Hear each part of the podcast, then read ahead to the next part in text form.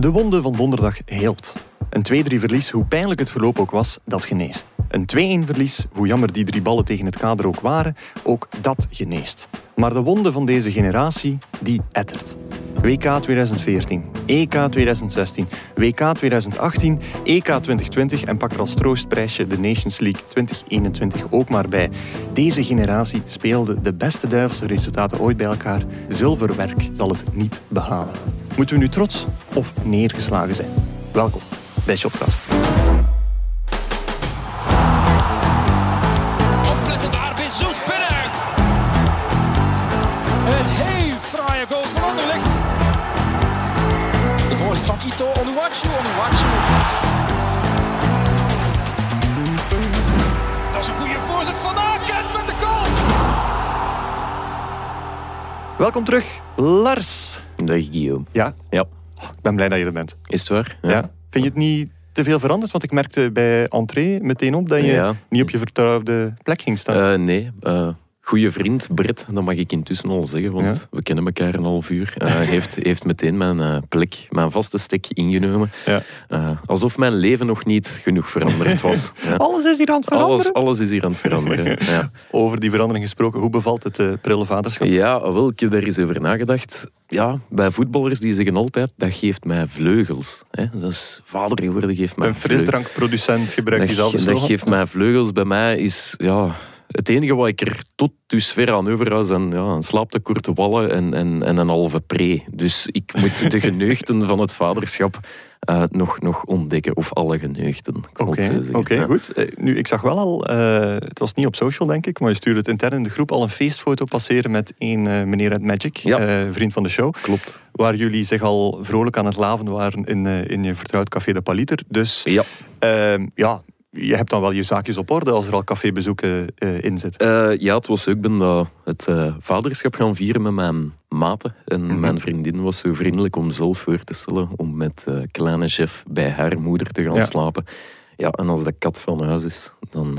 Dan eh, drinken zitten de de muizen mensen in de Paliter. Ja, zo is Dat dat. klopt dus, eh, nee, het was een fijn weerzien. Oké, goed. Ehm, voetbalgewijs, heb je de laatste maand dan net extra goed kunnen volgen, omdat je toch constant wakker was? Of, eh, of net niet? Eigenlijk minder. Ja. Ja. We zijn met van alles en nog wat bezig. En ironisch genoeg, de, de laatste wedstrijd die ik met echt full focus heb kunnen volgen, was eh ja, Club Brugge PSG in de kraamkliniek. In de kraamkliniek. Ja, Ja. De vriendin was allee, nog net niet in arbeid. Je Ja. moet daar dan wachten en doen. Dat duurde allemaal lang.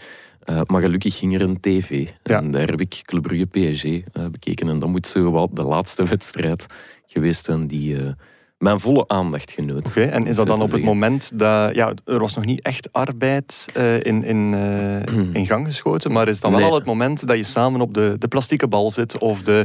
Of de Eh, ja, ja, de bakster. Allee, ze, ja, in bed liggen en de bakster en ik. Ja, zo de, de halve Ja. slaapzetel ernaast, hè, ken het. Maar er was eigenlijk nog geen, geen vuiltje aan de Ja. lucht. Oké. Dus als je om de vijf minuten vraagt, gaat het nog en kan ik iets doen? Dan valt dat wel mee, ze. Een bevallingsnacht. Ja, Oké, goed. Een wijze tip voor alle toekomstige vaders. is dat. Ook, ook- die had ik ook wel willen horen voordat ik van Ja. werd. Goed, eh, we hebben heel wat eh, te, te bespreken. Veel eh, andere zaken, los van ons privéleven. In deze uitzonderlijke interlandbreek aflevering van Shotcast, want normaal hebben we die niet. Maar gezien de Nations League toch iets is wat ja, redelijk de gemoederen beroerd heeft, dan stel ik voor dat we hier een aflevering rondmaken en wel vanaf nu. Elke week vragen onze vrienden van Biewen zich af wat er onthouden valt van het competitieweekend, of in dit geval Interlandweekend. En wij, wij geven hen maar wat graag het antwoord. Eh, Lars, waarom ben je momenteel je schoen aan het strikken? Omdat hij los had. Ja. Maar je moet toch niet bewegen, dus... Ik vond dat ambetant. Ik vond dat met dat. Goed. Eh, Lars, eh, Ja. er is maar één zaak dat onthouden valt van deze Interlandweek. En dat is een antwoord op de vraag van wie wordt de nieuwe voetbalcommentatoren bij VTM. Oei, heb ik iets gemist? Ja, Allee. het, is, het, is, het- het is een open doel, het is een grapje Ja. natuurlijk. Maar wij kregen gigantisch veel mentions op Shotcast-account, op Twitter, van mensen die zich ja, ja, gewoon ronduit aan het irriteren waren over feitelijke fouten en gewoon de hele manier van aanpak van voetbalcommentaar daar. Ja, het is niet simpel. Laat ons daarmee beginnen. Mhm. Het is niet eenvoudig. Maar ik moet wel ook wel zeggen, toen ik gisteren aan het kijken was, de, de oes en de a's en vooral zo Ja. het, het onder, zelfs niet onderhuidsupporter, maar het, het Bovenhuids, het, ja. het bovenhuids, het openlijk supporteren. Ehm, ja, is mij wel opgevallen. En dan vooral de wedstrijd eh, van donderdag tegen Frankrijk, Ja. waarin de VAR eh, ja, een hoofdrol heeft gespeeld. Een rol, ja. Ehm, of een rol, maar die rol wel Correct heeft gedaan. correct heeft ingevuld. Dan vind ik niet dat, dat, dat op dat moment dat we daarover moeten klagen en dat, dat we bij het buitenspeldoelpunt van Lukaku moeten zeggen allee, joh, maar ja, zo weinig. Mhm. Ja, nee. Ja, Ik bedoel, juist is juist. En zo'n beetje, ja, dat chauvinisme, dat mag daar gerust in zitten. Maar niet Maar zo... het moet wel correct blijven. Allee, en, je moet er en- niet vingerdik op leggen. Nee, dat vind ik niet. Nee. Maar bon, ja, dat is mijn persoonlijke mening natuurlijk. Nee, maar die, die oes-a's, eh, ik, ik onthoud een andere uitspraak, de ayayais. En dat was dan Ja. vooral eh, afgelopen zondag, dus gisteren, in de match tegen Italië, waar dat er een, op dat moment nog schijnbaar eh, ja, ongevaarlijk balverlies was. Natuurlijk niet echt een ideale positie om dat te doen, maar er waren nog heel veel stappen te ondernemen tot een, eh, tot een mogelijk doelpunt. Mhm. Dat men direct ja, da- daar in de commentaarcabine ayayai had. Ja. En, en, en zoiets had van, maar jongens, er is nog niets aan de Een hand. En- en, beetje artificieel oppoken, had ik de indruk. Het, het was echt, eh, ik heb het ook op Twitter gedeeld, het gaf echt een gevoel alsof mijn moeder aan de lijn stond, die van de 90 minuten dat we aan het voetballen waren, 85 minuten aan het praten is met eh, de vrouw naast haar, die het verschil niet kent tussen een corner en een strafschop en buitenspel, pakt er allemaal maar bij.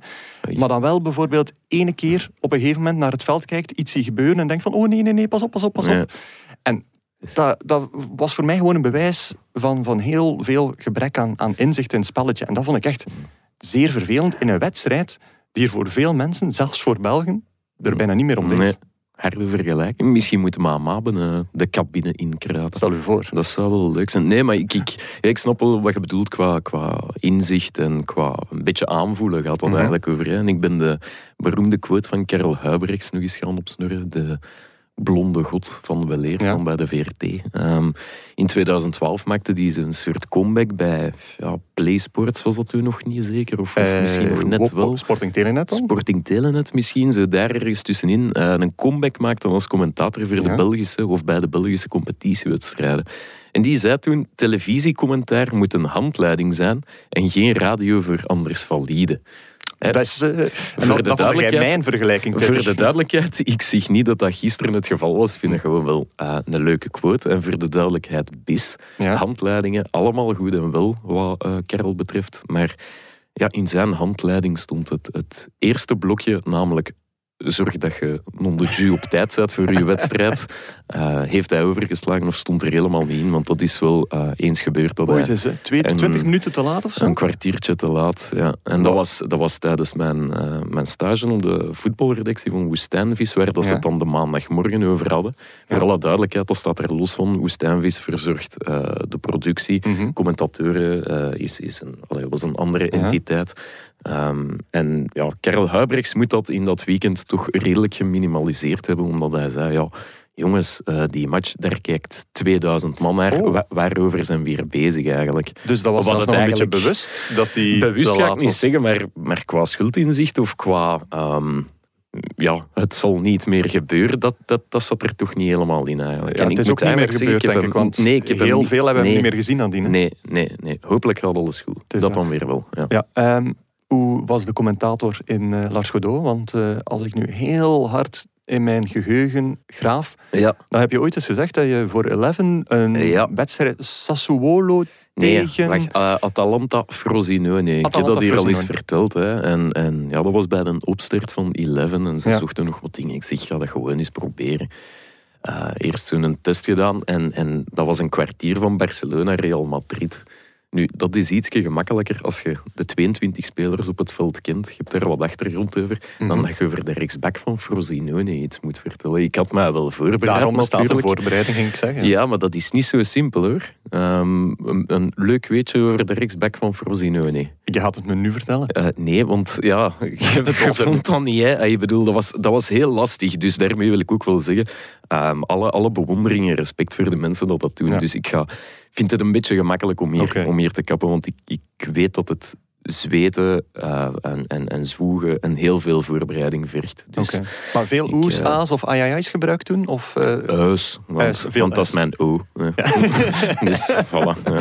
Wauw, een dialectmopje tussendoor. Is dat? We- je zei helemaal terug, dat is Ja. duidelijk. Goed, dan gaan we het over iets anders hebben, denk ik. Hè. Zijn de, effectieve Ja, Final ik- Four? Ik, had, Ah, nee, ja, maar, ik had nog iets over, over, hè, over de commentatoren of Ja. de studiogasten zelf, omdat je mij gisteren vroeg, ja, ehm, wat vind jij van de omkadering bij VTM? Ja. Ehm, en nu ik zag donderdag Cyril Dessers daar eh, Ja. zitten. Goed call. Eh, ja, en de man had mij ook ge- eh, gestuurd om mij te feliciteren met de geboorte van Ja. een kleine chef. Ik vond dat heel Stempa leuk. kerel. Ja. Ja, absoluut. En we zaten donderdag in de zetel en mijn madame zit even mij en zei, ja, die, die, die Mulder en zo, die ken ik, maar zeg, die ene knappe boy, wie is dat? ik zei, ah, oei, hè, dat zal Cyril Dessers wezen. Moeten Dus zijn nummer hebben misschien. ik, eh, ik had hem een berichtje gestuurd op Twitter. Ik zeg, ja, maar madame vindt u een vrij knappe vent, maar u moet er niet aan pijzen dat je mijn plek hier gaat innemen. en tijdens de rust, allee, of, of net bij het begin van de tweede helft, eh, kreeg ik een bericht terug waarin hij mij eh, heel gerustgesteld heeft om te zeggen dat, het, dat ik mij geen zorgen moest maken. Oké, Ja. goed. Dus de knappe boy heeft ook een, eh een boycode, laat Ja, het zo zeggen. absoluut. Ja. Goed, eh, België dus. Eh beëindigt de, de Final Four van deze Nations League letterlijk als de final van deze four. Ja. Copyright Bart Laga, dit mopje. Een 2-3 nederlaag tegen Frankrijk in de halve finale werd opgevolgd door een 2-1 nederlaag tegen Italië. Lars, ehm, wat onthoud je hiervan? Ja, kort gezegd, hè, weer niks, weer net niet en, en weer een wat-als verhaal. Eh. Dat gevoel hou ik daar zo'n beetje aan over. Zoals elke Ehm, voetbalwedstrijd en wat Zo- als verhaal is. Ja, en dan vooral toch die van de Belgen op grote momenten. In die zin, hè, een wat als, daar valt iets voor te zeggen. Hè, wat als Lukaku nu net een aantal centimeter eh, ja, achter zijn man stond, Mhm. ja, dan spelen wij die finale. Is dat gevoel toch anders? Ja, Gaat- ik ga je die- meteen onderbreken, want Ja, we hebben wel ook twee doelpunten geslikt in die helft. Ja, ja Eh, dat klopt, maar dat bedoel Dus ik. Als dat, je dan, is zo'n je- moment van... Nee, nee, maar als je dan doorstoot, gaat die in de tweede helft, of die, die 20 minuten die daar niet zo goed waren, gaat dat weer wat ondergesneden raken. ja. Ik heb het echt over, allee, over de perceptie, Mhm. die ook van, van, ja, van dat soort dingen ehm, afhangt. afhangt, ja. Ehm, maar ja, vaststelling blijft dat het tegen toplanden, waar. absolute toplanden, toch net iets te vaak eh, fout loopt. Hè. En dat is dan altijd, we spelen mee, we vinden van onszelf dat we de wedstrijd mee in handen hebben genomen en, en dat het op het einde van de rit een, een verhaal van kop, Ja. op, kop of munt was. Hè. Dat het, het kon vriezen, het kon dooien. Hè. Maar, maar ja, het kwartje is toch al net iets te vaak Naar de andere naar de kant. verkeerde kant gevallen om, om nog echt om over toeval te spreken, Ja, is mijn gevoel. En ehm, het is heel goed dat je ook zegt van elke, elke match heeft zijn verhaal. Want ja, eh, analisten en, en ook journalisten, wij maken ons altijd schuldig aan eh, het feit dat wij eh, conclusies trekken uit één wedstrijd. Mhm. Omdat er heel veel content geproduceerd wordt. Terwijl goede voetbalanalyse moet over een, een, een lange tijd gaan van wedstrijden. Of, of echt, Mhm. echt proberen patronen te vinden, trends te vinden. En dat is beter dat we dan Frankrijk, Italië bijpakken in onze WK-wedstrijd tegen Frankrijk. In onze WK-wedstrijd tegen Argentinië in 2014 zelfs Ook, eventueel. Inderdaad, ja. Ehm, Ja, onze- Wales is dan zelfs geen topland, maar daar Nee. was het ook niet... Zoiets. Nou ja, Eh, niet maar ook onze, onze zegens tegen, tegen Portugal erbij. Ehm, onze, Tegen Brazilië. ja, onze zegens tegen Brazilië. En dan zie je dat de trend gewoon is, tegen toplanden, zie je dat het gewoon ja, onvoldoende is. Ja. En dat niveau halen we dan net niet, zij het sportief, zij het tactisch, zij het op nog veel andere manieren. Mhm. En dat is de vaststelling nu, wat mij niet echt hoopvol stemt naar de toekomst toe. Nee, bij mij even min eigenlijk. Nee. Want hè, vraag je toch af, gaan we die stap dan nog wel zetten? Ja, dat, Op- dat is, want dat- we zitten op het einde van de cyclus, zoals de Rode Duivels en, en bondscoach eh, Martinez ook zelf aanhaalt. Ja, dan denk ik van, ja, het is, het is misschien te laat in deze cyclus. ja, Misschien later nog, maar in deze cyclus vrees ik voor de zaak. Inderdaad, ja. Nu, ehm, ik moet wel zeggen, gisteren en eigenlijk donderdag ook nog een beetje, ik was eigenlijk emotioneel leeg. Uh, dat heb ik al drie jaar. Ja, fijn. Ja. Nee, nee, ja, vertel. Niet dat ik uitgeperst was als een citroentje of zo, Nee. maar ik had het reinste gevoel bij, eh, eh, bij, bij deze wedstrijden eigenlijk. Ik had echt zoiets Ja. van...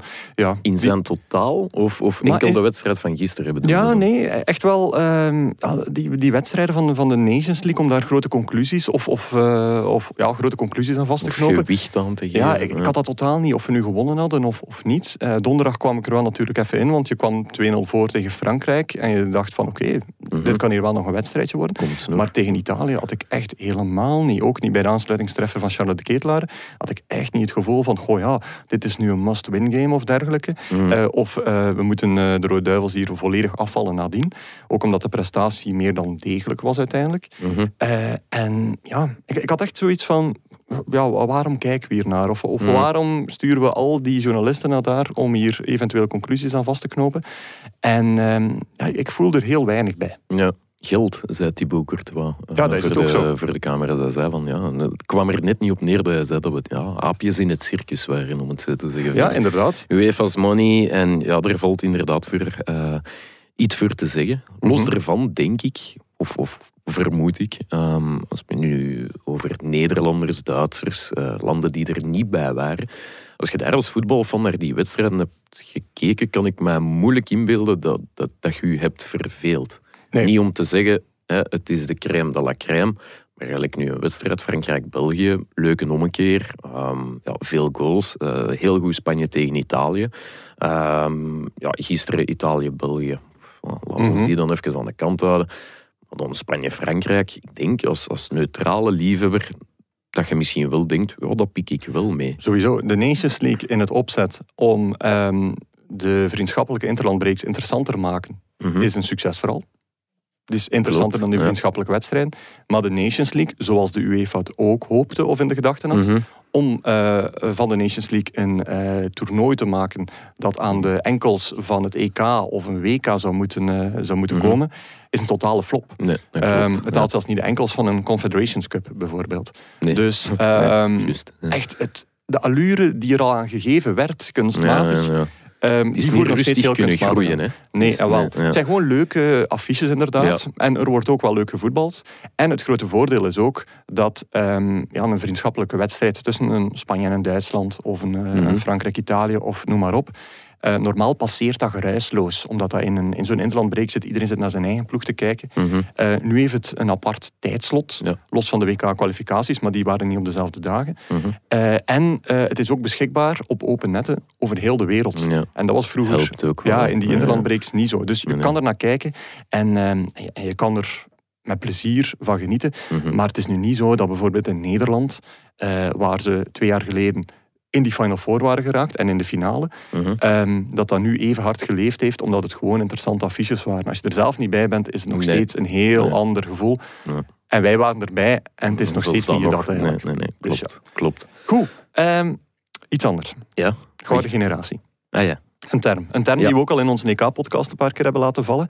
Eh, maar ik denk dat het nu tijd is om deze, om deze plechtig te begraven, want dat was ook een kunstmatige eh, ingreep die eh, enkel maar... heeft dat eigenlijk uitgevonden? Ah, wel ja. Ay, eh, niet, niet dat ik er iets op tegen heb, maar dat, dat, dat is een term die er altijd is geweest. ja, maar altijd is, is, eigenlijk een, eh, is eigenlijk overdreven. Want ehm, de eerste keer dat ik het gehoord heb, dat brengt mij terug naar 2019. Toen er een presentatie was van 19. 2019.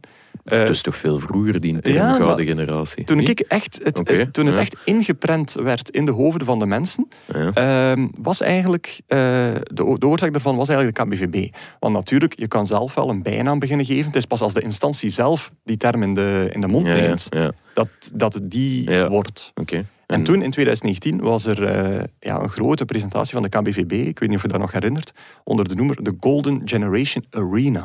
en dat was eigenlijk een soort... Nee, dat weet ehm, ik niet meer. Ja, Ik- dat was, dat was een vakkundig gewist. ja, dat, dat is een persmoment dat eigenlijk een soort drukkingsmoment was naar alle beleidsmakers over de nieuwe bestemming van het Koning Boudewijnstadion. Ja. En het, de enige boodschap op eh, die persconferentie, die echt in een immense zaal was, er was daar honderden mensen waren er daar, en de enige boodschap was, vanaf morgen starten wij aan de creatie van Golden Generation Arena. Geen plan, eh, geen eh, eh, concrete locatie, Ehm, verder nog weinig meetings afgesproken. Dat was gewoon echt zo van. En vanaf nu gaan we daar beginnen aan denken. Want onze gouden doen. generatie Ja. heeft een gouden stadion nodig. En toen was dat voor mij het eerste moment van: oké, Golden Generation is nu echt wel een ingeburgerd ter- Ja. eh, term. En dat heeft die KWVB zich toen ook Ja. eigen gemaakt. En kijk, we zijn twee jaar later. En Ja, en, eh, en, eh, en, en de term mag afgeschoten worden.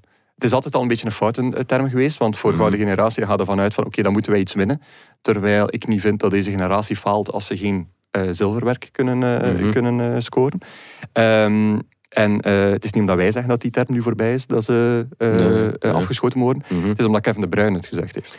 Daar kwam het wel een beetje op neer. want. Kevin De Bruyne na de nederlaag tegen, eh, tegen Italië, Kevin De Bruyne, die de afgelopen drie toernooien eh, altijd de meest uitgesproken was in het eh, vertellen van de ambities. Ambitie. En zeggen van, en we gaan voor de winst, en we gaan dat Mhm. doen, en we gaan dat doen, en we gaan dat doen. Was nu ja, het oer-Belgische, als je maar zijn kan. Want hij had een quote na de nederlaag tegen Italië. Niet vergeten, wij zijn maar België. Wij hebben geen 22 topspelers. Terwijl het vroeger was, wij zijn wel Wel België. België. Wij zijn, ja. En dat vond ik heel, ja, he- heel kenmerkend eigenlijk voor, oké, ook binnen de spelersgroep wordt er nu een stapje achteruit gezet en zegt van, laat ons maar weer de outsiders zijn. Ja, en hij was niet alleen. Hè. Thibaut Courtois, ook, ook een man met altijd een, een uitgesproken mening en vaak ook een correcte analyse vlak na de wedstrijd. Die, die gelatenheid merkte ik bij hem ook na de wedstrijd tegen Frankrijk. Mhm. Dat hij zo zei, ja, we smijten het zelf weg. En nu, dat aan zich ehm, is niet zo bijzonder. Hij doet dat wel vaker. De vinger op de wonden leggen en kijk, voilà, zo, zo zit het in elkaar. Mhm. Alleen, Yannick Carrasco deed ja, zaterdag toch ook wel een beetje zijn, zijn duit in het zakje. Persconferentie voor de match. Een persconferentie voor de wedstrijd tegen Italië. eh, op een bepaald moment de bal terug te kaatsen naar de journalisten en, en de, de vraag te stellen. Ja, maar geloven jullie nog wel in ons? Ja. Wat ik een... Heel Allee, ik- raar Ik, ik, mis wat context wellicht, maar ik begrijp niet zo goed van waar dat, dat opeens komt. Ja, de vraag werd gesteld door onze collega Jurgen Giril. Die eh, vroeg Ja. van, eh, geloven jullie nog wel in het behalen van de grote prijs? En, Een ehm, legitieme vraag. Ja, en Ja. Carrasco be- beantwoordde het wel met een glimlach. Maar hij kaatste de bal terug in, inderdaad naar van, geloven jullie wel nog in ons? Mm, En ehm, toen, eh, toen iedereen dat hoorde, hadden we zoiets van, oh, oké. mm. Eh, ja, eh, stond niet in het dus- draaiboek. het stond niet in het Nee, draaiboek. nee. Het is toch precies wel een, een beetje vrevel toch, naar, naar, eh, naar de pers toe. Terwijl, ja, ik denk dat dat een van de domste dingen is die je kunt antwoorden. Want ja, wat, wat verwacht je nu?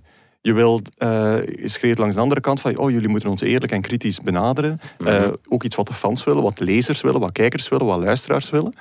Eh, maar aan de andere kant vind je het dan wel jammer als er niet meegegaan wordt in dat België-gevoel. En dat Ja. tweede moet je eigenlijk ver- vermijden. Een journalist is er niet om u de hemel in te prijzen of eh, de bodem eh, in te duwen. Mm, Die is er gewoon om feitelijk te verslaan en dat soort vragen te stellen. mhm. Dus geef er gewoon een, eh, een oprecht antwoord op. En ja, dat was het probleem.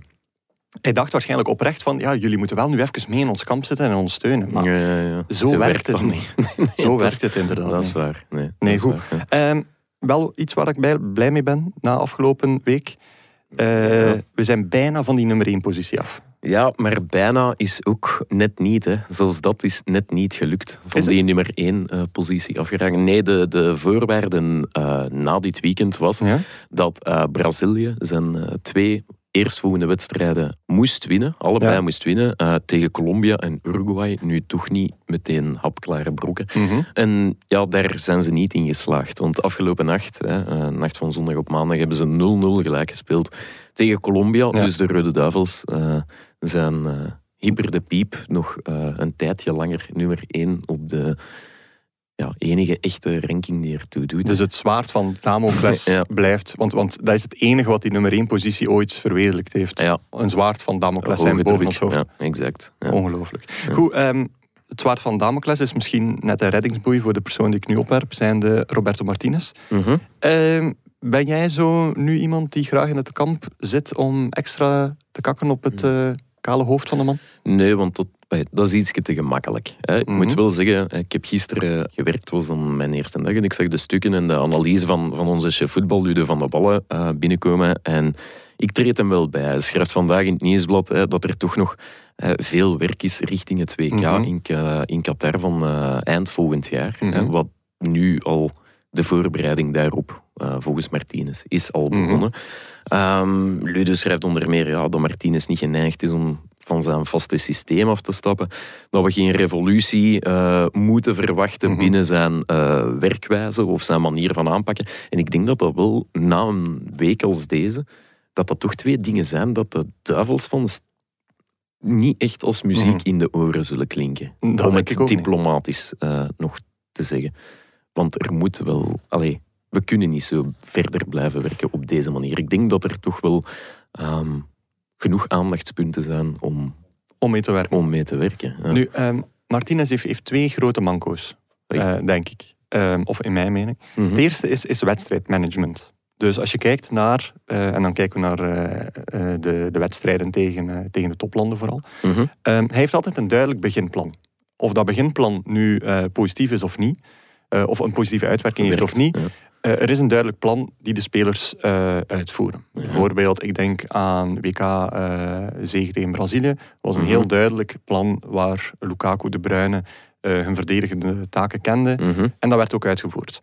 Ehm, tegen Frankrijk, een ronde later, eh, was er ook een heel duidelijk plan. Met Dembele bijvoorbeeld in Mhm. de basis. Alleen eh, bleek dat geen goede keuze te zijn. Maar je kunt dan hem dan nog credit geven van oké, je hebt een plan, je hebt een visie, je gaat daarvoor. Mhm. Eh, het wedstrijdmanagement is dan, als je zo'n wedstrijd tegen eh, Frankrijk ziet met Dembele daarin, dat hij niet of veel te laat schakelt. Is dat dan omdat hij het niet ziet? Is dat dan omdat hij blijft geloven in zijn plan?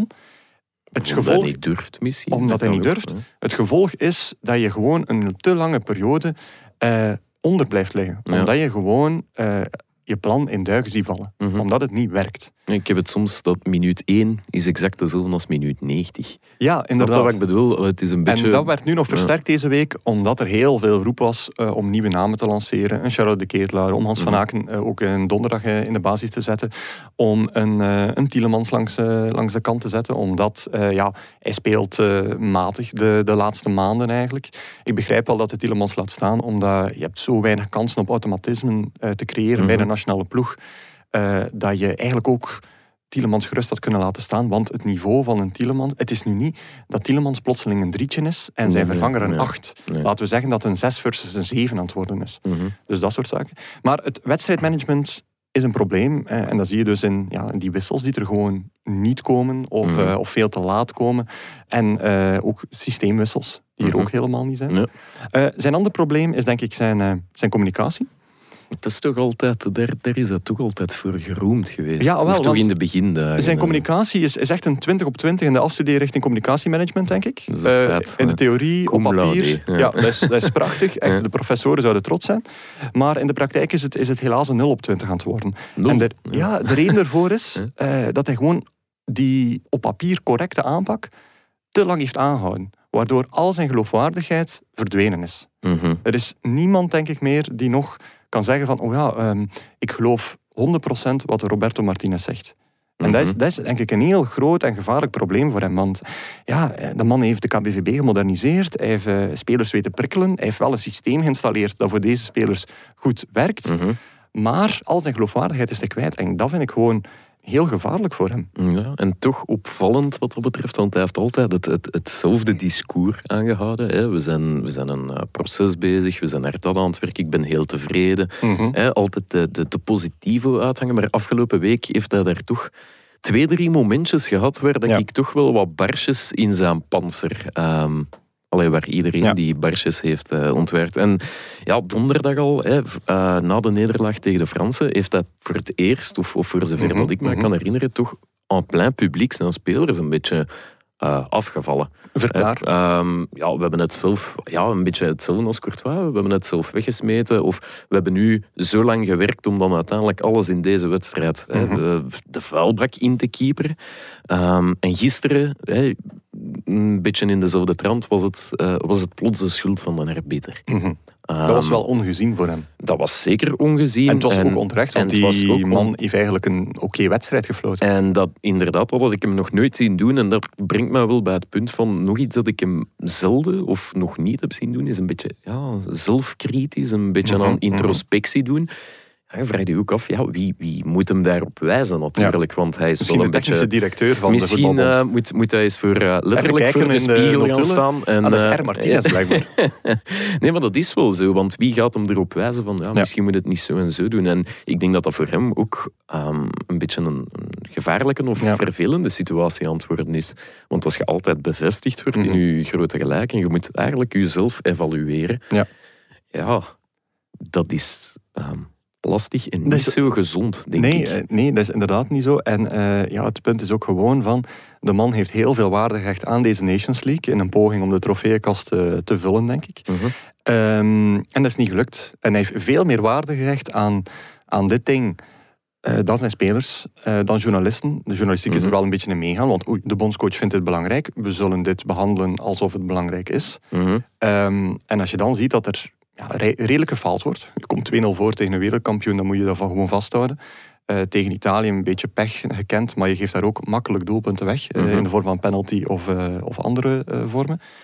Dan, dan is het tijd om even ja, Ja. toch weer de koppen bij elkaar te steken. En ook een keer een open, eerlijk gesprek binnen de KBV, KBVB te doen. Zij het met jezelf in de spiegel, Mhm. zij het met andere mensen. Om eens te zien van hoe gaan we nu die weg naar WK 2022? Met welke spelers, met welke aanpak, met Mhm. welk B-plan eh, opstellen. Ja. Want ik heb niet het gevoel dat dit, het, dat dit Martinez zijn einde zal zijn. Omdat ook ja, elk jaar of elke maand zijn er weer riedeltjes van Mhm. daar en daar interesse. Er zijn altijd heel veel ballonnetjes die opgelaten worden door de entourage Mhm. van Martinez. Of gewoon mensen die denken van, oh Martinez staat nummer 1 met België. Barcelona zoekt een eh, nieuwe coach. Weet je wat, dat is toch Eén gewoon een logische fit. is, Dat verspreidt zich en plotseling wordt dat een gerucht. Plotseling heeft dat enige vorm van waarheid. mhm. En omdat Martinez er altijd heel geheimzinnig over doet, blijft dat sluimeren. En blijft Mhm. het ja, misschien zelfs een drukkingsmiddeltje zijn naar de KBVB toe. Ja, Ook van, hey jongens, ik heb hier wel. Barcelona achter mij staan. Ik heb hier wel nog een andere Mhm. eh, topclub die mij wil. Ehm, Ja. Zonder het effectief uit te spreken. Dat is, Ja. wel, eh, dat is wel een beetje En- geniepig. Ja, en ook geen vijanden zoeken waar er geen zijn. Want Nee. gisteren heeft de pers ook een beetje een veeg uit de pan gekregen. Ehm, dat de pers ehm, de, de generatie spelers met toch iets meer respect zou mogen behandelen. Niet te kritisch moet benaderd worden. Dan denk ik van, you ain't seen nothing yet, vriend. Dat denk, dat denk ik ook. Allee, het is echt nog wel vrij braaf gebleven tot dusver. Er was ook geen reden om Mhm.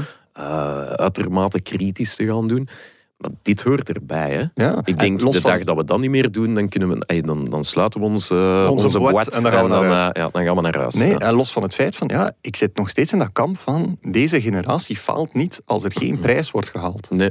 Ik, heb, Ja. ik, ik gebruik altijd de boetade van eh, Letland had zijn beste generatie in 2004. Die generatie faalt niet als zij eh, geen, eh, geen prijs pakken. Die Mhm. generatie die heeft een heel leuk groepsfase gespeeld, met Tsjechië erin, met Nederland erin. Dat was voor hen gewoon het moment waar dat zij nog steeds aan terugdenken. En wij denken nog Mhm. steeds terug aan dat WK 2018. Natuurlijk zijn er momenten dat het beter kon.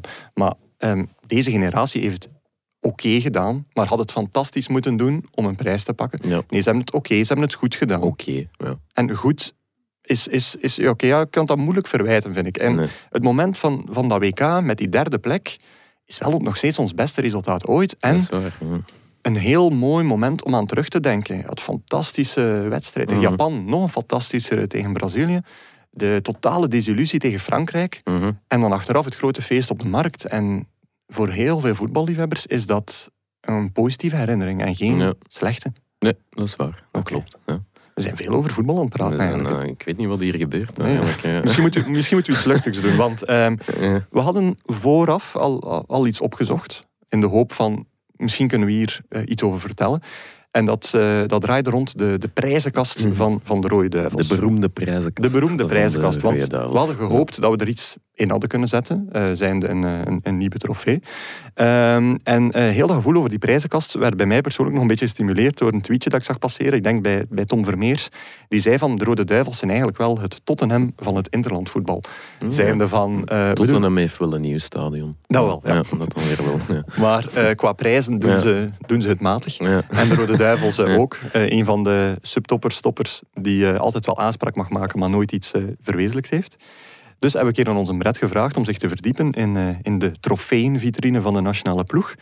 Om eens te zien van, ja, bestaat die? Wat staat daarin? En, en vooral vanaf wanneer dateert onze, onze laatste prijs?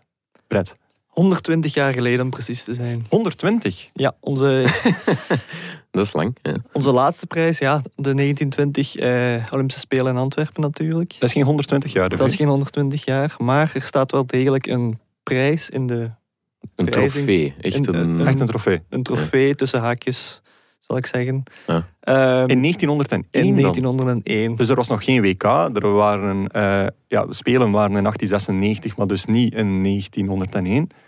Eh, ja, welke trofee is dat dan? Het koperen dingetje wordt het genoemd. Is dat een grap? Of? Nee, echt Ah, serieus. oké. Nee. Dat wat is de naam. Ehm, er zit eigenlijk een op- opmerkelijk verhaal achter. Mhm. Ehm, de Rode Duivels, eh, ja, Rode Duivels, ik weet niet of die, of die bijnaam zelfs toen al bestond. Nee, dat bestond nog niet. Ehm, die speelden een interland tegen Nederland in 1901. En die interland die werd eigenlijk georganiseerd door eh Beerschot erevoorzitter Frederik van den Abelen. Toen al erevoorzitter. Toen al erevoorzitter. Ja, dat is, eh, ja. De- die was jaloers dat de Brusselse rivalen van Leopold Voetbalclub een eh, prestigieus toernooi organiseerden. Mhm. Een soort van Champions League met eh, grote clubs uit het hele continent. En eh, Van den Abelen dacht, dat kunnen wij ook. Het zou geen van Beerschot zijn, zeker. Ja, is... eh, Ja, ga verder zijn. En eh, voilà, dus eh, er ging een groot toernooi komen in Beerschot. Ja, Uiteindelijk bleken al die clubs eh, op het laatste moment af te zeggen. pijnlijk. Maar de beker was al gemaakt. Probleem, want Ja. er was geen wedstrijd. Dus Beerschot belt naar een Hollandse voetballer, Kees van Hasselt. Ja. Een kleermaker, met de vraag of hij Kleermaker, oké. ja. met de vraag of hij geen tegenstander kon regelen voor de Belgen. Ja. En uiteindelijk trad er een Rotterdamse tweede klasser aan. Oké, ja. De wedstrijd wordt gespeeld. De Belgen winnen met 8-0. Logisch, ja. Met vier Engelsen in de basis. De Belgische nationale ploeg won Is met 8-0 dat dan met eh, vier Engelsen. een, een all-star team van de Belgische competitie dan? Een, een Belgische eerste klasser stond. Ah, oké. Oké, ja, cool, ja. oké, ja. En eh, de, dus de Belgen wonnen dus de, de koep van de Nabelen, werd het genoemd. Ja, Ja. Maar de Nederlanders vonden die trofee zo lelijk dat ze het het koperen dingetje noemden. oké. Ah, omdat ze hem niet gewonnen hadden. Ja, waarschijnlijk was wel. wellicht... eh, dus eh, onze enige trofee die in de vitrinekast staat, is dus een, eh, een lelijk ding. Dat behaald werd door niet eens een nationale ploeg, maar een combinatie van Belgische en Engelse voetballers. Tegen niet eens een andere nationale ploeg, maar een eh, club uit het tweede niveau van Nederland. Omdat er een toernooi was waar iedereen op het laatst, laatste moment afzegde. Daar komt het eigenlijk op neer. ja. Oké. Oh, goed. Eh, ja. mijn volgende vraag dan. Je zegt Ja. zelf van ja, wij hebben goud gepakt op de Olympische Spelen 1920. Ehm, daar moet dan toch ook een, een, een prijs van zijn, Brett? Ja, dat dacht ik dus ook. Eh, ik heb ook de vraag gesteld aan Louise. Om de, Ah, de chatbot, De ja. chatbot van de KBVB. Want ik las op, eh, op de website van de KBVB, waar ik het stuk eh, gevonden had, dat er nog drie andere trofeeën zouden zijn. En ik vroeg mij dan af, ja, welke trofeeën zijn dat dan? Want Oké. ik was aan het denken van, ja, Olympische Spelen in Antwerpen zullen het wel zijn, maar welke dan nog? Ja. En eh, zij vroeg dan of ik de trofeeën van de Groene Duivels in Gooichem, de Rode Duivels Zoutleeuw, de Zwarte Duivels Westmeerbeek, de Bruine Duivels Vechten of mini-voetbalclub Mini Duivels bedoelde. Eh, Ja. Louise had het dus weer niet begrepen. Nee, ze had Nee. mijn vraag niet goed begrepen, Nee. dus ik weet het nog altijd niet. No ik, heb, ik er eens op verder gezocht, Ah, omdat we er eh, over gingen beginnen. Ik dacht, dat, ja, er moet toch wel iets zijn, al was het maar één gouden medaille. Blijkbaar hebben wij wel een beker gekregen in 1920 Oké. voor Ja. de Olympische Spelen. Alleen, zo wordt hè, verteld volgens de overlevering, werd die beker na 1920 niet meer uitgereikt. En hebben wij die zelfs niet mogen houden, maar hebben wij die eh, moeten wegschenken of zijn ze die komen ophalen om in het Olympisch Museum van Lausanne eh, Oei, te, ja. pose- eh, te posteren. Dus Ja. de enige echte beker dat we dan ooit gewonnen hebben, hebben we nog moeten teruggeven. Ja. We En hebben dat die is dan beker ook- natuurlijk ook wel gewonnen, omdat de tegenstander het afbolde in de finale. Ja, die waren niet zo tevreden met de scheidsrechter. Ik denk dat Roberto Martinez daar coach was toen. Ja. Maar eh, om het verhaal rond te maken, ik ben die beker zelfs nog eens Mhm. verder gaan googlen. heeft ook een, een specifieke naam. En die staat blijkbaar al twee jaar eh, te koop op een, veil, op een Oh. Britse veilingswebsite. en eh, de, je kunt beginnen bieden tussen de 1500 en de 2500 pond. Dus misschien moeten we eigenlijk Oh, gewoon misschien moeten wij dat gewoon doen. maar ja, in plaats, ja, we zullen wafels verkopen of zo en dan met dat geld eh, een bod gaan neerleggen. van, Dus- op, wij, wij, willen die, wij willen die een beker terug. De beker, die ja. eigenlijk onze grootste overwinning ooit is. Als je het puur op papier bekijkt. Klopt. De manier ja. waarop maakt niet uit. De tijd waarin het gebeurde maakt eigenlijk ook niet uit. Die staat in een Olympisch museum waar hij eigenlijk wacht op een nieuwe eigenaar. Eh, Voor als, een ik, als, ik dat goed, als ik dat goed begrepen heb, wel, ik zal de, de printscreen en de site eh, straks nog eens opsnorren. Dus, Ja. eh, tot twee jaar geleden kon er geboden worden op de voetbalbeker van de Olympische Spelen. Stel je voor dat wij hem hier 1920. gewoon prachtig in een hoekje zouden kunnen plaatsen. In een hoekje in het midden. Gewoon in het midden, In het gewoon midden, zo. Zou wel zijn. Een trofee, Ja. wauw. Ja, het is dat. Zot. Brett, nog één vraagje daarover. Is er dan een eigenlijke vitrinekast voor die prijzen in, in het Bondsgebouw? Of voor de niet-prijzen? Ja, een prijzenkast kan je het moeilijk noemen, denk ik. Want het is gewoon letterlijk een schap in de kelder van het Bondsgebouw. Oh. Zijn daar beelden van? Ik heb er geen beelden van gevonden, maar eh, Hoe weet je dat? Is dat ingebroken? Of... ja, dat moeten we nu niet hier eh, gaan vertellen. Nee, maar serieus, van, allee, hoe weten wij dat daar ergens een, een lege plank eh, staat of hangt? dat beweert toch persman Stefan van Look. Ah, die ook Ah, wel boeken maakt over de historie van Ja. het voetbal en meer bepaalt eh, de KBVB. Dus eh, als één iemand het weet, zal, zal hij het wel zijn. Ja. Goed. Eh, Lars, Ja. ehm, geen prijzen. Eh, is er verder jou nog iets opgevallen aan, eh, aan de Nations League? De finale gaan we subiet bespreken met een special guest. Maar misschien is er nog iets anders Eh, dat je, dat je ziet. Ja, heel kort. Hè. Die auto reed daar weer rond. Ik Ah, eh, ja, ja. lichtjes nerveus van ze. Dat, dat, wat is dat, dat of dat Volkswagentje? Of, of, Eh, of Citroën, Renault. Voilà, daarmee heb ik alle, alle, alle automerken Volkswagen, BMW, BMW of Mercedes. eh, Ja. van de, ja, ik, dat, dat telegeleid autootje dat een bal kon Ja. brengen, was ook weer van de partij. ja, het was leuk voor één keer. Allee, toen was het eigenlijk ook al niet leuk. Nee. Nee. Maar wil we daar alsjeblieft mee ophouden? Ja, voilà. Is goed. Ja. Nu, ehm, ik zal ook nog iets zeggen wat mij is opgevallen, omdat het eh, waarschijnlijk wel het thema zal zijn voor de komende dagen. Ehm, en dat is eh, bij het spel. En Ah, vooral eh, ja, het, het riedeltje over bij het spel dat er weer is. Nu, Ja. de winning goal van, van Frankrijk tegen Spanje in de finale van de Nations League werd gescoord door Mbappé. Mhm. Stond in positie buitenspel, maar een verdediger, ik denk dat het Laporte was, die... Dat was ehm, een andere, dat was niet Garcia? nou, of Garcia, Of een van de twee. ja. Eh, die ehm, kwam eigenlijk tussen eh, in die actie, omdat hij een pas wou onderscheppen. Mhm, Waardoor hij, strikt volgens de regels, eh, het buitenspel ophief. mhm. Eh, waardoor Mbappé vrij naar doel kon gaan. en ja, vrij naar doel. Hij had toch wel nog wat werk voor de boeg, Ja. maar hij werkte het wel heel mooi af. Zoals een spits van zijn kaliber het, wel, het wel kan. Mhm. Ehm, maar heel de wereld stond in brand. Zij dachten van, oh, wat is dit nu? Positie bij het spel. Plotseling eh, eh, werden er weer reglementenboekjes bovengehaald. Iedereen deed van, waar komt deze nieuwe regel vandaan? Mhm. En dan denk ik zoiets van, ehm, je kan tegen deze regel zijn. Ben ik ook. Ik vind die heel raar, ik vind die heel moeilijk. Voelt niet goed, hè? Nee, Nee. maar als je altijd meedoet aan die steekvlampolitiek, dan ben je niet goed bezig. Nee. Want deze regel die bestaat niet al een maand, die bestaat niet een jaar, die bestaat al jaren. Mhm. Dat is de regel van de deliberate action, zoals dat dan heet. Als een verdediger een bewuste actie onderneemt om een Mm. eh, pas te onderscheppen, Dus dan een sliding inzet. een sliding bijvoorbeeld, Ja. maar echt met de intentie om die bal te, te, te onderscheppen of, of, of direct weer te passen, Mhm. eh, dan eh, wordt het buitenspel eh opgegeven. Enige uitzondering daarbij is als de deliberate action, en nu word ik technisch, een deliberate save wordt, waarbij je dus eigenlijk een actie onderneemt om een doelpunt tegen te gaan. En dat is bijvoorbeeld Ah ja, alles wat een keeper doet, Ja. maar een verdediger kan dat ook doen door bijvoorbeeld een bal net voor de lijn eh, weg te halen. Mm. Dat is een heel rare definitie, die voelt heel onnatuurlijk aan. Voer voor interpretatie. Voer voor interpretatie, beetje, dat is echt de, de bedoeling daarvan is, eh, is geweest om zo eh, de positie buitenspel, wat heel moeilijk te, te definiëren was ook, Mhm. om daar nu eigenlijk een definitieve regel op te leggen. Dat lukt niet echt. En af en toe komt er wel eens zo'n fase voor dat je zoiets hebt van, een beetje voorbij ja, geschoten. hè. wat Ja. gebeurt er hier? Maar dat we nu weer allemaal zo eh, op ons achterste poten staan, dan denk ik van, als je dit echt belangrijk vindt, kaart dit eh, al jaren aan. Mhm. Blijf dit dan doen. Blijf niet gewoon nu weer even moord en brand schrijven en dan volgende maand zal er weer zo'n case zijn en dan doen we het weer even. En tussendoor gebeurt er eigenlijk rien, Mhm. rien de knots. Want het is ook gebeurd met Lukaku op het WK tegen Tegen Rusland. ja. En het is zelfs al gebeurd, denk ik, vijf jaar geleden in, eh, in de Belgische competitie.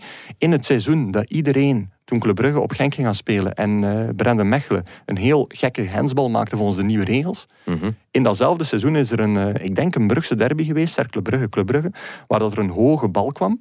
Eén eh, verdediger de bal eigenlijk achteruit kopte, richting zijn, eh, zijn doelman, maar dat te kort deed.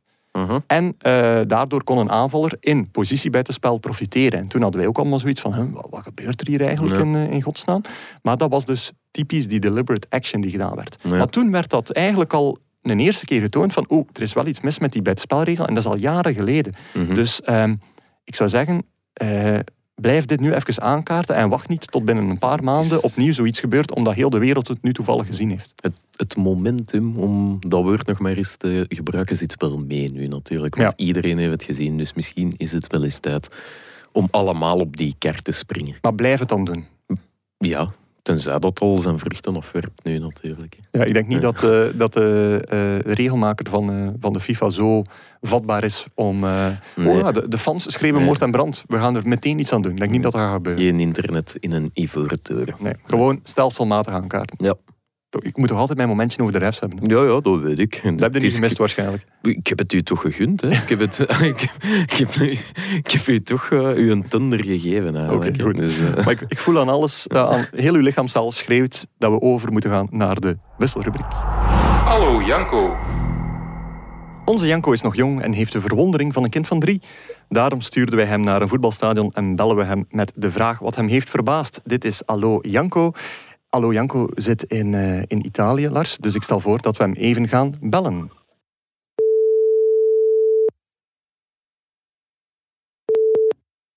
Dag Janko. Dag Jo. Heb je wat kunnen bijslapen? Eh, zie je er niet meer eh, te moe uit, Janko? ik moet zeggen ik eh, vannacht ook niet heel veel heb geslapen. En ik sta nu op de luchthaven in Milaan. Dus er hier al vrij vroeg zijn. Oké. Wie, wie niet mee is, we hebben gisteren een tweetje gedeeld waarbij je moeder je, je schattie genoemd had op een eh, foto die je geplaatst had terwijl je een Insta-story van Sportwereld deed. De dame in kwestie had niet helemaal door dat het een eh, account was die door meerdere mensen bekeken kon worden of, eh, of gemodereerd kon worden. onder wie wij. Onder wie wij. Ja. Dus eh, zagen we onze, onze kans schoon om, eh, om je even voor, eh, voor het blok te zetten. Ja, inderdaad. Dat ga ik er toch nog eens moeten uitleggen. Maar bon, mijn baas weet nu toch ook weer al dat ik eh, heel hard heb gewerkt in Italië. hè. Of je rent toch zo moe uit. Effectief. Deze baas hier Ik moet wel zeggen, even termijn naar de verdediging. eh, we waren wel iets gaan drinken de avond ervoor. Dus Ter verdediging. Ter er verdediging, ik zo. heb heel hard gewerkt en we waren de avond ervoor. Enfin, wat, oh, ik denk daar het mijne van. maar- Dat klinkt als een Lars, Lars-excuus. dat is toch ook een manier van werken. Ja, dat is waar. Ja. Dat is waar. Goed, eh, Janko, eh, we hebben al heel veel over de duivels gesproken, maar eh, jij bent na die match om de derde plaats nog doorgereisd naar eh Milaan, waar je de finale tussen Spanje en Frankrijk gevolgd hebt van de Nations League. Dus eh, wat moeten we daarvan onthouden? Wat moeten we daarvan onthouden? Ik denk dat dat niveau iets te hoog gegrepen was voor de Rode Duivels vooral. De eerste helft Oké. eh, was aangenaam om naar te kijken. Veel middenveldspel, heel veel goede voetballers. Maar vooral die in de tweede helft, ja, dat was echt een, een verschroeiend tempo. Dat is echt heel, heel ja, knap om te zien eigenlijk. En ik had Oké. niet het gevoel dat de Rode Duivels dat niveau op dit moment aan kunnen. Oké. Mijn gevoel bij die match was, eh, ondanks het feit dat ze verloren hebben, Spanje doet wat België niet kan. Namelijk jong talent inzetten. Eh, hun de ketelaars, eh, hun Dokus, Dokus was er wel nu, was er wel nu niet bij.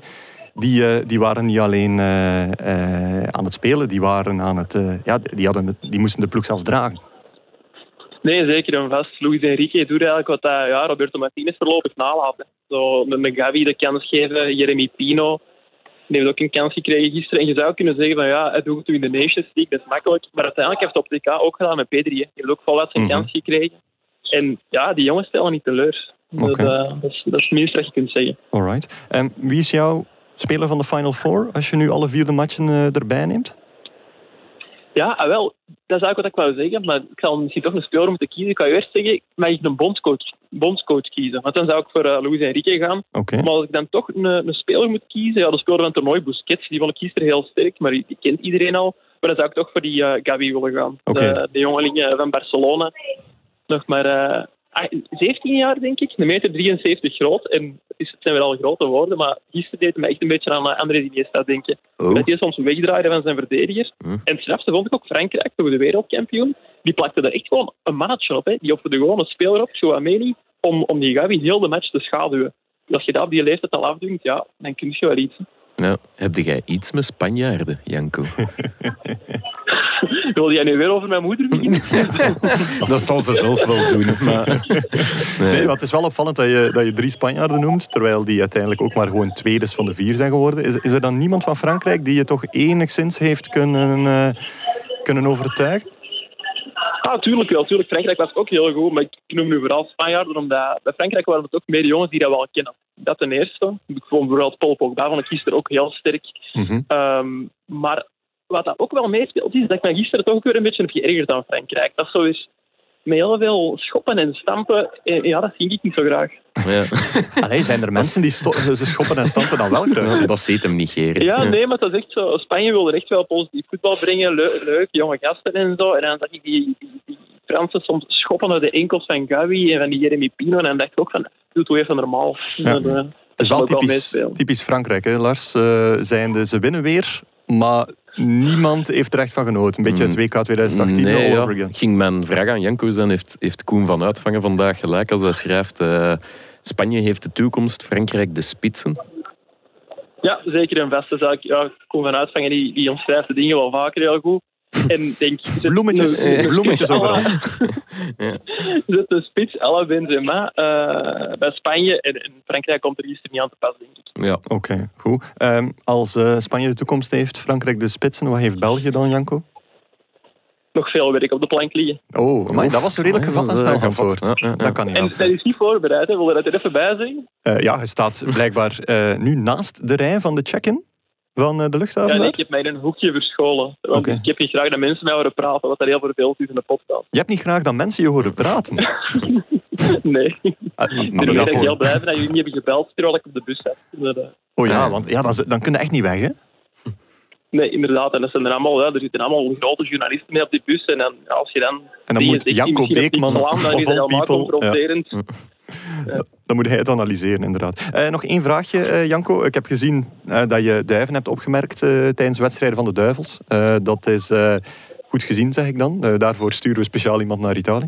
Ehm, maar heb je veel kartonnen bordjes gezien de afgelopen week?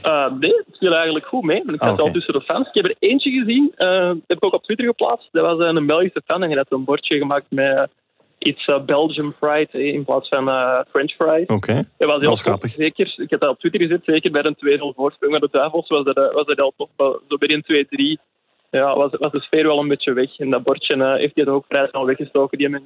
Oké, dat is Ja. goed. Ehm, Janko, heb je nog een eindboodschap voor ons, de luisteraars? Eh, misschien Brett, eh, de natie, Uw mama. UMA?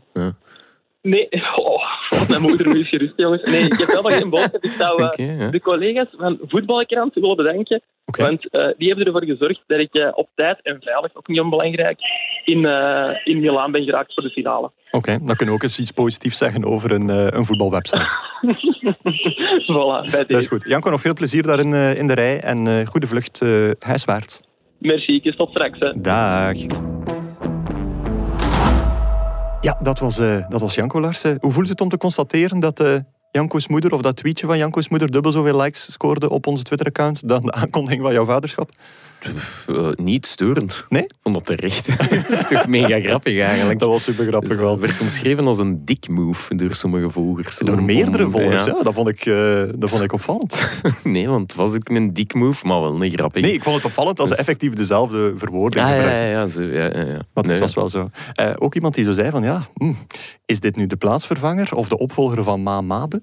Dus eh, Ja, ik hoop ja. dat die twee nooit in een kamer worden opgesloten Nee, om het uit te vechten. Dan komt er maar eentje uit. Dan komt er Ja. maar eentje uit. Goed, eh, als de luisteraars nog andere suggesties hebben voor deze wisselrubriek, eh, at Shotcast, eh, hashtag Shotcast op Twitter, shotcast.nieuwsblad.be, podcast.nieuwsblad.be zijn de gekende kanalen. En wij gaan over naar het volgende. Het event van de week. Onze vrienden van Biewen zijn wel heel onbeholpen. Niet alleen dienen we hen wekelijks te vertellen wat ze in het weekend gemist hebben, ook moeten we hen wijzen op het event van de aankomende week. Lars, ik kijk naar de klok. We zijn weer vrolijk over de drie kwartier aan het gaan. Ja. Ehm, dus laten we dat eh, kort doen. Ehm, ja, er staat morgen met eh, Bertrand uh, Laillet een informele meeting eh, op het programma. Ik. Daar ben ik weer met de refs. Ehm, ik kan zelf niet gaan, want wij hebben een, een opname.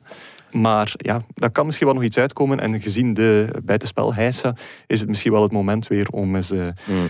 Te horen wat wij in België daarmee van plan zijn. Ja. Eh, dus dat, is mijn event van werkt, de week. En dat die ook wel werkt voor zijn geld. Hè. Ja, dat is waar, want de man tot dusver heeft ja, door corona eh, bijna altijd Zoom-meetings gedaan of, of eh, Mhm. Teams-meetings gedaan. Dus was niet zozeer in het land. Hij, hij zag zijn, zijn scheidsrechters via de camera. En super grappig daarbij is, de man zit daar ook in uitrusting. Dus hij draagt zo'n oranje of zo'n eh, geel fluo eh, Ja. vestje. En dat heeft allemaal te maken, ja, ook in het vaarhokje moeten ze ook in uitrusting Ja. zitten, omdat dat dan het, ja, het bandgevoel versterkt, de band versterkt.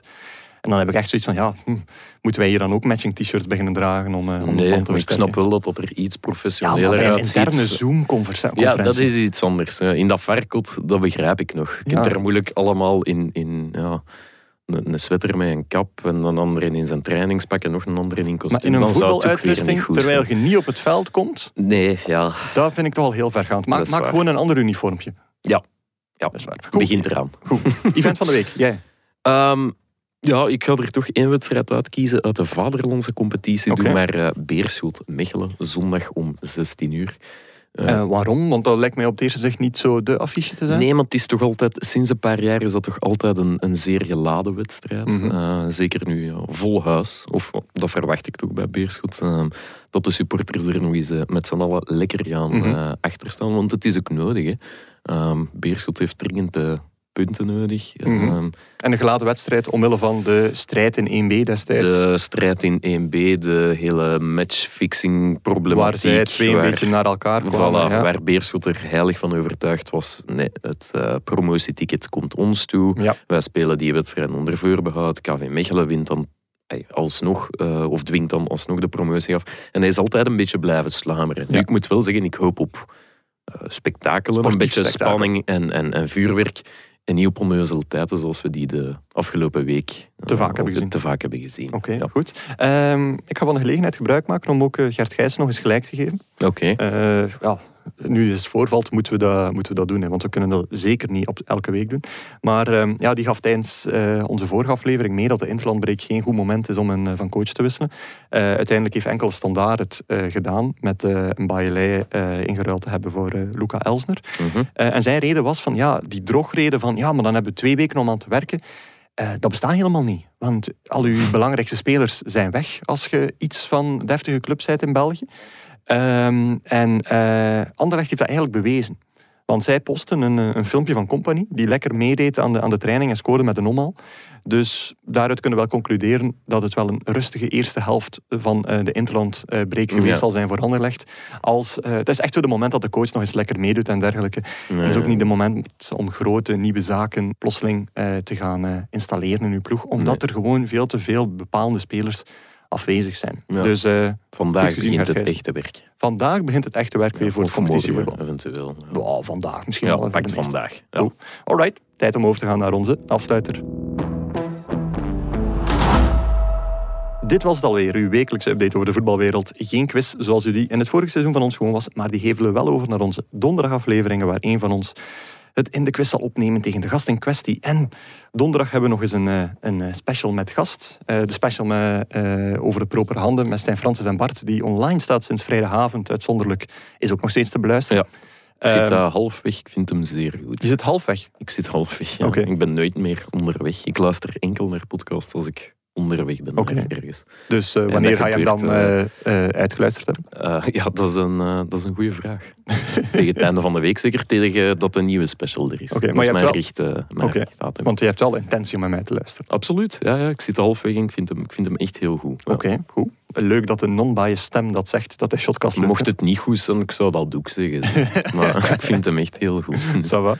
Goed, maar dus komende donderdag is er weer een special met gast. En dat zal een lekker luchtige aflevering zijn, is mijn, eh, is mijn voorspelling. Mm, ja, nee. Goed. Lars, eh, wat staat er vandaag in de krant? Nog Of- geen idee. Ik moet dat beneden eens aan Gert Oh. gaan vragen eigenlijk. Die Oké. is vol op de krant eh, bijeen aan het puzzelen. Dus je hebt echt geen meerwaarde op deze vraag. Nee, Oké, goed. maar ja, je stelt ze me, dus ja. Dat is waar. Misschien zal ik een andere vraag stellen. Zoals Heb op je, de meeste vragen heb ik geen meerwaarde te bieden, maar nu wordt dat uitgesproken. Dus, een andere vraag dan? Heb je ervan genoten om nog eens hier in de studio te zijn? Want Ja. het is een maandje geleden ja, geweest. hè? ja, ja, het is een maand geleden geweest. Ja, ik vond het heel leuk eigenlijk. Ik dacht van, oh, Rode Duivels Nations League. Nee, veel goed. Daarom doen wij nooit Interland dingen. hè. Daarom hebben we ook eigenlijk 28 niet. afleveringen EK gedaan, dat alleen maar Rode Duivels was. Ja, maar dat is toch anders, hè? Dan, Dat is anders. Dan, leeft wel. Nee, ik vond het heel plezant. En eh, volgende week Rubbelot, zoals ze bij ons zeggen. Wat? Rubbelot. Opnieuw. Opnieuw. Volgende Robbelot. week Rubbelot. Ja. Oké. Brett, eh, Ja. hoe klinkt opnieuw in, eh, in jouw dialect? We zeggen gewoon opnieuw eigenlijk. Nou, dan vond ik dat van mij toch beter. Robbelot. Ja, Rubbelot. Rubbelot. Ja. Oké. Dus opnieuw, van hetzelfde. Alright. Goed. Ehm, heb je nu zo het gevoel van, eh, ik heb eh, een uur niets gehoord van Jeff, ik moet hem dringend horen? Eh, nee. Eerlijk. Maar ja, ik was vorige week of twee weken geleden aan het luisteren en, en Gert begon mij al allee, echt het verwijt te maken dat ik niet meer cynisch was en zo. Maar Ja. ik, ik ga er alles aan doen om, om die mythe de wereld uit te helpen. ik blijf gewoon mezelf. Ja. Je blijft gewoon cynisch. Ja. Pff, ja. Ja. Oké. Ja, dat, dat is goed. Hè. Ja. Dus dat is, eh, dat is eh, ja, rustgevend voor de luisteraars. dat ze en weten dat mijzelf ook. dat er weet- dat ze En, weten dat er Hij zal zo ook wel groot worden. Zal wel zijn, zal wel zijn. Goed. Eh, wie Megascore mist en zich toch graag waagt aan een gratis prono met vrienden, kan nog steeds terecht bij bchamp.bwin.be. Uitgegeven door onze goede vrienden van Bwin, de exclusive bettingpartner van de Pro League, de Conference League, de Europa League eh, en waarschijnlijk dan niet de Nations League. Anders zouden ze dat wel zeker vermeld hebben, nou dat moeten vermelden. Goed, dit was het voor vandaag. Mensen, geniet nog na van eh, de afgelopen Interlandweek, van deze aflevering, van onze special afgelopen vrijdag over propere handen. En bereid u voor op onze volgende special komende donderdag. Tot dan.